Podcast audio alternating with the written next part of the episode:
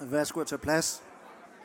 Og øh, det kan godt være, det er for sent at sige godt nytår, men øh, det er da i hvert fald øh, mit ønske, at vi må opleve. og øh, selvom det er måske en lidt formel indledning, så har jeg lyst til at indlede med at sige, at øh, jeg kan godt være lidt for høj, Thomas, undskyld. Øh, vil jeg, øh, så vil jeg gerne indlede med at øh, lige tænke tilbage på 2018 og alle Øh, al den støtte, som kirken har været med til at, at, at bringe til alt vores arbejde. Øh, der er rigtig mange, der økonomisk har været med til at støtte alt det, vi gør. Og øh, der er rigtig mange, der er engageret i at tjene og bede for kirken. Uanset hvordan du har været til hjælp, så vil jeg gerne på kirkens vegne sige dig tusind tak. Det har gjort en kæmpe forskel. Vi er, vi er blevet til, den her kirke er blevet på en måde til otte kirker i alt i Danmark, og øh, i, for en fire måneder siden, der holdt vi lidt status, der var der øh, øh, 1128 medlemmer i Vineyard i Danmark, og på en søndag er der øh, nogen af 820, der går til gudstjeneste i vores Vineyard Kirke. Så det vokser alt sammen, og det er med til at inspirere, og så er der en masse mennesker, vi kommer i kontakt med, og det er jo fuldstændig uvurderligt. Så hermed være sagt øh, fra mig til os alle på kirkens vegne, tusind tak for det, du er med til at bidrage. Jeg håber, at du vil blive ved, og vi må gå endnu længere i det her år. Det er ikke sådan hvert år, at jeg formulerer et nytårsforsæt, men øh, det gjorde jeg så i år. Og øh, det, øh, det forsæt, det handler om, for min del, et af dem, at de daglige gørmål, de skal have lov at tage lidt mere tid. De skal have lov at tage den tid, det tager. Jeg skal skynde mig øh, lidt mere øh, langsomt. Øh, og det er fordi, at øh, dem, der kender mig, de ved, at nogle gange så går tingene lidt stærkt for mig, fordi jeg synes, der er så meget, jeg skal nå. Altså, jeg kan godt være nærværende til stede i en samtale, men når jeg så er færdig, så løber jeg måske det næste sted hen. Øh, så jeg tænkte, det skal altså være anderledes i det nye år, og øh, der gik så bare ikke særlig længe. Øh, min, jeg så nemlig øh, over middag, nytårsdag, at min øh, genbo, han var ved at rydde op efter mine børn, vores børns fest. Alle vores børn, de havde festet sammen nytårsaften i vores hus, og vi var et andet sted hen. Og de har så fyret raketter af, så gik det op for mig, han gik og samlede alle mine børns raketter op i en pose. Så jeg farede ud af døren. Jeg løb gennem haven, hoppede over hegnet, fordi jeg ville skynde mig at fortælle ham, at vi skal nok selv rydde op. Og så var det, at det gik helt galt. Fordi min fod sad fast i toppen af hundehegnet, og jeg nåede ikke engang at beskytte mig mod faldet. Jeg havde hovedet lige ned i jorden. Og øh, det synes Anne var meget sjovt, da jeg kom ind. Jeg ved ikke, hvor hun er blevet af. Men sådan her så jeg ud. Ja, jeg har ikke fået meget sympati hjemme, men tak for omsorgen. Så mit nytårsfortsæt, det holdt kun en halv dag. Og det er meget muligt, at du lykkes med at holde fast i flere af dine gode fortsætter. Og jeg er da heller ikke opgivet mit. Men jeg vil i dag, øh, I må, ja, skal vi ikke? Kan vi gå videre til noget næste? Tak. Det er sådan her, jeg skulle huskes. Ja. Øh, men jeg vil i dag fokusere på et område, som øh, mange af os føler, tror jeg, at vi ikke rigtig lykkes med. Det er nemlig vores daglige liv med Gud, vores åndelige øh, dagligdag. Og i en tilbagevendende undersøgelse her i København, vinder, som vi får foretaget hver anden år, så er der noget, der hedder hengiven spiritualitet. Og det scorer vi altid lavt på. Det er noget af det laveste, vi øh, scorer som kirke. Og øh, det, vi, det betyder altså, vi læser ikke særlig meget i Bibelen, og sjældent deler vi vores Guds oplevelser med andre mennesker. Og der er så mange, der forsøger at opprioritere det, blot for at måtte erkende, at det lynhurtigt falder til jorden igen, ligesom øh, mit nytårsfortsat i bogstavelig forstand faldt til jorden. Og i dag så vil jeg gerne prøve, at nu er vi jo i gang med livet igen, og der er allerede nogen, der siger, livet er travlt, vi er lige taget hul på det nye år, og det er krævende. Og i dag vil jeg gerne forsøge, om muligt, at bypasse den lidt frustrerende tilstand, øh, når det kommer til vores øh, åndelige liv. Og nu kan det være, at øh, kvinderne her bare skal øh, kaste et kort blik på skærmen, og så ellers kigge flot væk. Men kan I måske, må, nogle af jer har måske fulgt med dem her. Kan I huske dem?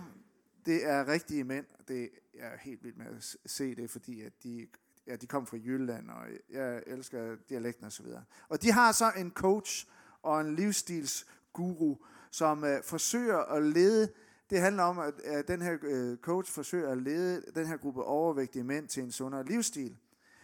Og der er det, at livsstilsændringen handler ikke om øh, hård disciplin. Strategien, den handler om derimod om motivation frem for disciplin. At mændene selv får lyst til at ændre deres adfærd. Kan vi skifte? Øh, og det samme vil jeg forsøge i dag. Ikke lægge op til hård disciplin for rigtige mænd og rigtige disciple, men at forsøge at motivere os til at ændre vores åndelige adfærd. Og jeg oplever selv, at Gud han motiverer mere, end han disciplinerer, når det drejer sig om mit åndelige liv. Så jeg vil altså i dag fokusere på den motivation, hvorfra, hvorudfra de åndelige discipliner vokser. Så det handler ikke om åndelige discipliner, men det handler om motivation i dit gudsforhold, som kan bypasse alle, tror jeg, dine fejlslagende nytårsforsætter om dit daglige liv med Gud. Og for mig har det, vi nu skal læse, intet mindre, øh, øh, været intet mindre end en øjenåbner, som øh, gennem det sidste års tid faktisk hver dag har givet mig ny kraft for Gud. Så temaet i dag, det er aldrig alene. Jeg vil sige tre ting. Aldrig alene, aldrig tavs, øh, aldrig for sent. Og det vi skal læse nu, det er Jesus, der taler til sine disciple. Og der står sådan, sådan her, siger han til, ham, til dem. Bliv i mig, og jeg bliver i jer. Ligesom en gren ikke kan bære frugt af sig selv, men kun når den bliver på vintræet, sådan kan I det heller ikke, hvis ikke I bliver i mig. Jeg er vintræet, I er grenene. Den, der bliver i mig, og jeg er i ham, han bærer mig en frugt. For skilt fra mig kan I slet intet gøre. Og øh, jeg synes, det har været hjælp ikke at, ikke at skøjte for hurtigt hen over de her frigørende ord. Hvor du og jeg er grenen, men det er ikke grenens opgave at producere frugt. Grenens opgave er derimod kontinuerligt at modtage liv og kraft fra træet. Frugten, vores adfærd, det vi gør, siger dagen lang, det er, det er blot et følgeprodukt af grenens forbindelse med stammen. Så frugten i vores liv er det ydre udtryk af det indre liv, som flyder fra stammen og ud i grenen. Hvorimod vores tilgang til det åndelige liv, til hengiven spiritualitet, det lyder nok noget i retning af, Gud er deroppe, og oven i alt det, skal, det andet skal jeg præstere, så skal jeg, nej undskyld, Gud er deroppe, og oven i alt det andet, jeg skal præstere, så skal jeg også gøre Gud tilfreds, jeg skal gå i kirke, jeg skal være generøs med mine penge, jeg skal læse i Bibelen, og så er der alle de ting, jeg skal undgå, stjæle, lyve, sladre osv. Men det bliver, for alt, det bliver alt sammen og forbliver hjælpeløse præstationer, hvis grenen ikke henter liv og kraft fra stammen. Det kan aldrig nogensinde blive dig, der producerer frugten i dit liv. Du kan bære frugt, men du skaber den ikke. Du vil for eksempel aldrig lykkes med at bruge dine ord korrekt, lige så lidt som du vil lykkes med at handle korrekt altid, med mindre du som gren henter liv og kraft fra stammen. Først når vi henter liv og kraft fra stammen for Jesus, vil vores selvcentrerede længsler, vores tanker, vores intentioner forvandles til taknemmelighed, til ydmyghed og selvopoffrende kærlighed. Jesus han siger det tydeligt. Jeg er vintræet, I er grenene. Den, der bliver i mig, og jeg i ham, han bærer mig en frugt. For skilt fra mig kan I slet intet gøre. Og jeg synes, de ord er så befriende. De rummer en sådan kraft. De er så motiverende. Jeg er som grenen, en gren pudet på stammen, som er Jesus. Og det betyder ikke alene, at jeg er løst fra en præstationsbaseret adfærd, fordi det kan kun være ham, der gennem mig bærer frugt. Som Paulus skriver det et andet sted. For det er Gud, der virker i jer, både at ville og at virke for hans gode vilje. Jeg læser lige igen. For det er Gud, der virker i jer. Både at ville og at virke for hans gode vilje. Så på en eller anden måde, hele den der præstationsorienterede tankegang, den er jeg lidt frisat for. Jeg er i ham. Du er i ham. Og så i det her billede om grenen på stammen, så har jeg gjort en anden opdagelse, og du har sikkert opdaget det længe før mig, men hver dag motiverer det mig øh, med ny kraft og glæde, nemlig at vi som grene på stammen aldrig er alene. Det kan godt være, at vi føler det, men det er vi aldrig. Hans tilstedeværelse i mit liv er konstant. Også selvom jeg i det daglige fejler i noget så lavpraktisk som et nytårsforsæt. Så det her, det går langt dybere. Min adfærd er ikke præstationsbaseret, men eksistensbaseret. Jeg er i ham, og han er i mig. Fordi jeg aldrig er alene, men altid er forbundet med stammen, så har jeg også mulighed for, føler jeg, at bære frugt i livets allerstørste udfordringer. Og det perspektiverer, perspektiverer alle mine hjælpeløse præstationer. Anne læste fra salme 1 sidste søndag. Lykkelig, lykkelig den, som ikke vandrer efter ugudeliges råd, som ikke går synderes vej og ikke sidder blandt spotter, men har sin glæde ved Herrens lov og grunder på hans lov dag og nat. Han er som et træ, der er plantet ved bækken. Det bærer frugt til rette tid, og dets blade visner ikke. Og så kommer afslutningen her. Alt hvad han gør, lykkes for ham. Så salmen omtales her som et træ, der er plantet ved bækken, hvilket i princippet er en lignende allegori som gren og stamme. Og det træ vil bære frugt til rette tid. Dit liv skal nok bære frugt. Også selvom du synes, at alt det kan gå galt, går galt, så længe du bare er forbundet med Jesus. Så længe grenen sidder på stammen. Så skal dit liv ikke visne hen, men alt hvad du gør, skal lykkes for dig, står der i Bibelen. Og her bliver vi bare nødt til endnu en gang at rumme et paradoks mellem Guds løfte og vores virkelighed. Og jeg forsøger at gribe det paradoks på følgende måde.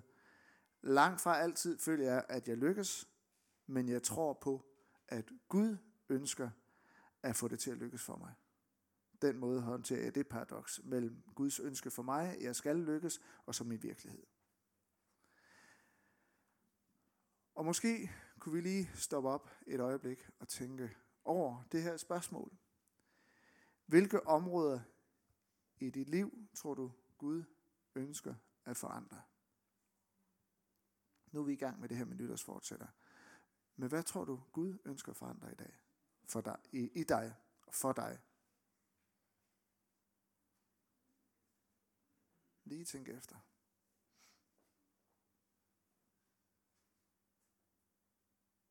Og nogle gange, det vi umiddelbart tænker på, skal være, skal gå dybere. Og øh, Jesus han giver dig to løfter. Han ønsker at gøre det igennem dig, og han kan gøre det igennem dig. Men hele forudsætningen er din samhørighed med ham. Forskilt fra mig kan I slet intet gøre. Og det kan være, at du sidder her i dag, og du øh, er kommet lidt til kort i egen kraft. Det kan være, at du har prøvet selv at være alene om det. Og måske i dag skal du prøve med Gud. Men altså, det liv, der flyder fra stammen over i grenen, det vil aldrig være disciplin, for det er Guds skabelse i os, disciplin, det er derimod en af frugterne på grenen. Så kæmper du med, med svigt, kæmper du med selvlede, depression, misbrug, sexafhængighed, porno, ludomani, stofmisbrug, alkohol, hash, pillemisbrug, så vil selvdisciplin sandsynligvis ikke alene føre dig, øh, føre dig særlig langt. Men det vil i samhørighed med Jesus derimod. Den, der bliver i mig, og jeg i ham, han bærer mig en frugt. Og den samhørighed bærer altså på et løfte. Alt hvad du gør, skal lykkes for dig. Et paradoks. Så din og min opgave, det er ikke at behage Gud. Vi skal prise ham. Men det er ikke at behage Gud, det er at være forbundet med Kristus, som vil virke i dig at ville og virke for hans gode vilje.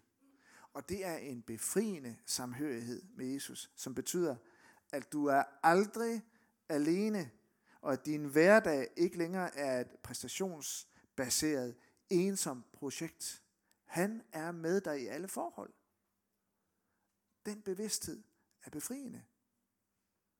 Paulus han talte faktisk ikke om at blive en kristen, men han talte derimod om at være i Kristus. Og det udtryk forekommer mere end 150 gange i Ny Testamente alene. Og den enhed betyder, at Kristus han er til stede i vores indre og kan kommunikere sine tanker til os når som helst. Han virker utrættelig i os at ville og virke for hans vilje. Og det er derfor, vi kan forandre os. Det er fordi, han er i os. Forskilt fra ham kan vi intet gøre. Christ dwelling in us by his spirit is a guarantee that we can and will change. Den her samhørighed, den betyder ikke, at vi mister os selv som et glas vand optages og udviskes ved at hældes i havet, eller som buddhisterne, der skal optages i intetheden. Når Paulus han skriver til galaterne, så siger han, jeg lever ikke mere selv, men Kristus lever i mig. Og mit liv her på jorden, lever jeg i troen på Guds søn, som der elskede mig og gav sig selv hen for mig. Den udtalelse er ikke sådan at forstå, at vores eksistens og vores individualitet, den så ophæves. Gud har netop skabt dig og mig med vores helt særlige personlighed.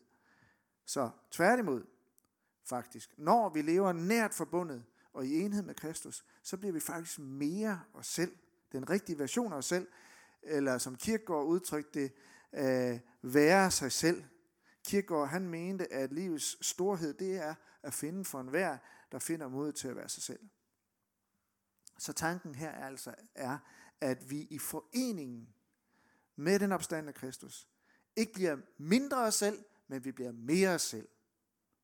Gud smelter ikke sammen med os, men vi knyttes så intimt nær til Kristus, at vi kan sige, at han er i os, og vi er i ham. Og det var det, de gamle kirkefædre, kirkefædre kaldte for unio mystica. Det er den, det er den allestedsnærværende Gud, som ved troen nu bor i vores indre. Det er en mystisk forening, hvor Gud bliver mere virkelig for os, og vi bliver mere virkelige for os selv. Og det er alt sammen forankret, objektivt forankret i Kristus. Men det er samtidig noget, vi kan erfare dagligt. Det er nogen, der kalder for erfaringsteologi. Men der er sket en helt afgørende forandring i den forening. Vi er ikke længere centrum for vores eget liv. Det, der skal til, for at vi kan blive mere os selv, det er, at Kristus er foreningens centrum. Mere af ham, og vi bliver mere af os selv, med ham som centrum. Og det er netop det, Paulus han beskriver på den her meget dramatiske måde, når han siger, jeg er korsfæstet med Kristus. Jeg lever ikke mere selv, men Kristus han lever i mig. Og mit liv her på jorden, det lever jeg i troen på Guds søn. Så kan man spørge, lidt mere konkret, hvordan foregår det her så i praksis? Og lad os læse bare en lille smule længere frem, hvor Jesus fortæller sin, øh, fortsætter sin revolutionerende tale til disciplene og fortæller om, hvordan den her samhørighed fungerer i praksis. Og så siger han i vers 7, hvis I bliver i mig, og her er det, hvis I bliver i mig, og mine ord bliver i jer, så bed hvad I vil, bed om hvad I vil, og I skal få det. Mine ord bliver jer. Vi er skabt sådan, at de ord, som vi bærer inde i os, har en særlig kraft til at forme os. Og vi ved nok, vi kender nok alle sammen til, hvad ord de kan gøre ved os. Og vi har igennem livet brug for rigtig, rigtig mange opbyggende ord. Og negative udtalelser over os er i den grad i stand til at nedbryde vores selvværd. Og det har desværre formet mange mennesker. Ikke mindst i vores opvækst har vi brug for det, hvor vores personlighed er under stor udvikling. Og det er sådan, at når vi på en eller anden måde forener os med et andet menneske, måske et nære venskab eller et parforhold, så bliver det andet menneskes ord og handlinger til stede i vores tanker. Det er sådan, vi lærer hinanden at kende. Og det er også så enkelt, at vi lærer Jesus at kende. Hvis I bliver i mig, og mine ord bliver i jer. Og i begyndelsen af Johannes evangeliet, der præsenteres vi for endnu et fantastisk mysterium. Her læser vi faktisk, og for mig er sådan, det kaster lys ind over det her. Der står der, at Kristus selv er ordet. Og Johannes, han beskriver det helt vildt øh, vidunderligt i sin indledning. Han siger, i begyndelsen, jordens begyndelse, var ordet med stort. Og ordet var hos Gud, og ordet var Gud. Han var i begyndelsen hos Gud. Alt blev til ved ham, og uden ham blev intet til af det, som er. I ham var liv, og livet var menneskers lys. Så når ordet skal komme og tage bolig i os, så er det Kristus, der er ordet med stort, og samhørigheden, foreningen, forbundetheden med Kristus, er netop ordet, Kristus, der flytter ind i os. Så du har et ord ind i dig, du har Kristus, som taler til dig. Og Jesus selv, han siger, Johannes 14, 23, den, der elsker mig, vil holde fast ved mit ord, og min fader vil elske ham. Og vi skal komme til ham og tage bolig hos ham. Det er det, der sker, når vi tager imod ordet. Så bor han i os. Så derfor, at være gren på stammen, det indebærer, at vi lytter til ham, for han er ordet. Ordet Kristus er selve den kraft, der flyder fra stammen og over i grenen. Ordet, kraften, livet. Kristus har taget bolig i grenen i os. Og det betyder, at vi indgår i en levende relation, hvor Gud aldrig er tavs, aldrig alene, aldrig tavs. Det kan godt være, at det forekommer os, at Gud er tavs, og vi ikke hører eller ser skriften på væggen, men ordet bor i os. Tavsheden, den finder vi kun i mørket. Der, hvor vi er skilt fra Kristus, men aldrig i Kristus. Og han taler til os på så mange måder. Han er ordet. Vi møder hans kærlighedssprog på mange forskellige måder i Bibelen. Gennem længsler, gennem muligheder, umuligheder, åbne og lukkede døre taler Gud igennem. Han taler i drømme. Han taler gennem andre mennesker. Han taler gennem tilskyndelser. Han taler gennem smerte i livet. Gud talte til Moses gennem en brændende busk. Han talte til Farao gennem plagerne. Han talte til de babylonske astrologer gennem stjernetegn på himlen. Og vi kunne blive ved. Gud han talte endda til profeten Biliam gennem hans æsel, der ikke vil makke ret. Så når Gud kan tale igennem et æsel, så er der vel ikke noget, Gud ikke kan tale igennem.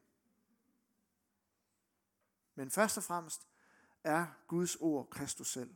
Ordet var Gud. Han var i begyndelsen hos Gud. Alt blev til ved ham, og uden ham blev intet til af det, som er. I ham var liv, og livet var menneskers lys. Det bor i os. Det er det, det vil sige at være gren på stammen. Nu er jeg blevet både morfar og farfar, og du er næsten blevet det samme.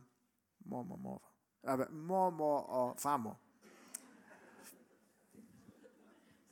Og noget af det mest fascinerende ved at blive, øh, det ved jeg godt, det kan jeg nok ikke vise i aften, det ved jeg ikke, nu er jeg ved at blive gammel, men det mest fascinerende det er at se, hvor motiveret mine børn de er for at lære. De elsker at pludre og lære at snakke og efterabe, og vi elsker at snakke med dem. Så jeg har, nu kommer der altså et klip her fra mor og. Det skal juleaften, og lad os lige, lægge lige mærke til, at vores hund har fået julegave. Den har fået tøj på os. Men her, det er Naja.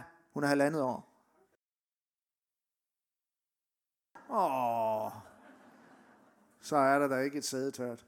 Og øh, her til morgen, da vi kørte, da vi skulle afsted til kirke, så ringede de op, fordi at hun ville gerne snakke med sin mor og far.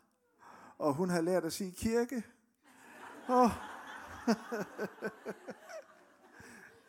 og det er på samme måde med Guds forhold til os jo. Han længes efter at kommunikere med os, og længes efter at se os tale hans sprog, og det er meget mere end ord. Øhm, det er Kristus selv, som ordet bor i os. Så vi er aldrig alene, vi er han er aldrig tavs, og det er så længe vi lever. Og så som det sidste, det er aldrig for sent. Jeg tror, at rigtig mange af os er lav på hengiven spiritualitet, det åndelige liv med bøn og bibel af flere grunde, mange grunde, men nu vil, jeg lige, nu vil jeg lige fremhæve to grunde her til sidst, og jeg tænker ikke på travlhed, selvom vi som regel øh, har meget travlt, men virkeligheden er jo også, at vi har tid til det, vi vil. Der er nogle ting, vi vil. Så vi kan jo, hvis vi vil, øh, sætte lidt tid af til det. Men for mig siger jeg bare, og det var det, der var min pointe i dag, hvis jeg ikke har fået det sagt, at det er jo en bevidsthed at være i Kristus. Nå, men vi kan jo, vi kan jo vi, øh, det, det første, jeg vil pege på, og som jeg var inde på måske allerede, det er, at kommunikationen med Gud, den visner, når det bliver mere en arbejdsrelation, end det bliver en kærlighedsrelation. Så udspringer kommunikation ikke af en lyst til at lytte og blive lyttet til, men en trættende præstation. Hvis man føler det der med Gud, det er ligesom et arbejde, det går ikke. For det andet, så tror jeg helt enkelt, at, folk, at vi har nogle gange svært ved at sætte os ned og for eksempel læse Bibelen, fordi den kan være en lille smule skræmmende, fordi vi på forhånd antager, at den stiller en masse krav til os, som vi slet ikke kan holde til, fordi vi har det hårdt nok i forvejen. Skræmmende i den forstand, at den er for langende, den er for krævende. Og jeg tror simpelthen, at nogle af os oplever på forhånd, det er bare for udmattende. Det er lidt ligesom, når man sidder om aftenen og kigger fjernsyn, og, og så kommer der en red barnet reklame, som man har lyst til at spole henover, ikke? Altså, det er ikke til at holde ud, og det har været hårdt nok hele dagen, og så kommer der et grædende barn, ikke? Og, Nå, det gør I ikke, kan jeg se. Altså, undskyld, men sådan noget. Så derfor, hvis du har svært ved at komme i gang med det her, så kan du overveje følgende. Gør det kort, og gør det enkelt. Det er mit råd til dig, som gerne vil videre i dit åndelige liv med Gud. Gør det helt kort, mand, og så gør det enkelt til at begynde med. Altså jeg siger ikke, det skal være kort, men jeg siger, det er en måde at komme i gang på, og gøre det enkelt. I stedet for at gå død på de lange læsninger, som du måske ikke lige forstår, og navnerækker, så lav en kort læsning, og så stop op, når der er noget, du forstår, og synes, det her er værd at tænke videre over. Det kan være en enkelt sætning, der giver mig liv og kraft. Bare en enkelt sætning. Det kan da være et enkelt ord. Kristus er ordet. Mere behøver det ikke at være. Og kunne vi lige slutte af med teksten igen, hvor du kan tage en sætning eller et ord til dig med hjem for resten af dagen. Og husk på, at Gud, du er aldrig alene, Gud er aldrig tavs, og det er aldrig for sent. Jeg læser op for den her tekst igen. Bliv i mig, og jeg bliver i jer. Ligesom en gren ikke kan bære frugt af sig selv, men kun når den bliver på vintræet. Sådan kan I det heller ikke, hvis ikke I bliver i mig. Jeg er vintræet, I er grenene. Den, der bliver i mig, og jeg i ham, han bærer mig en frugt. For skilt fra mig kan I slet intet gøre. Lad os bede sammen.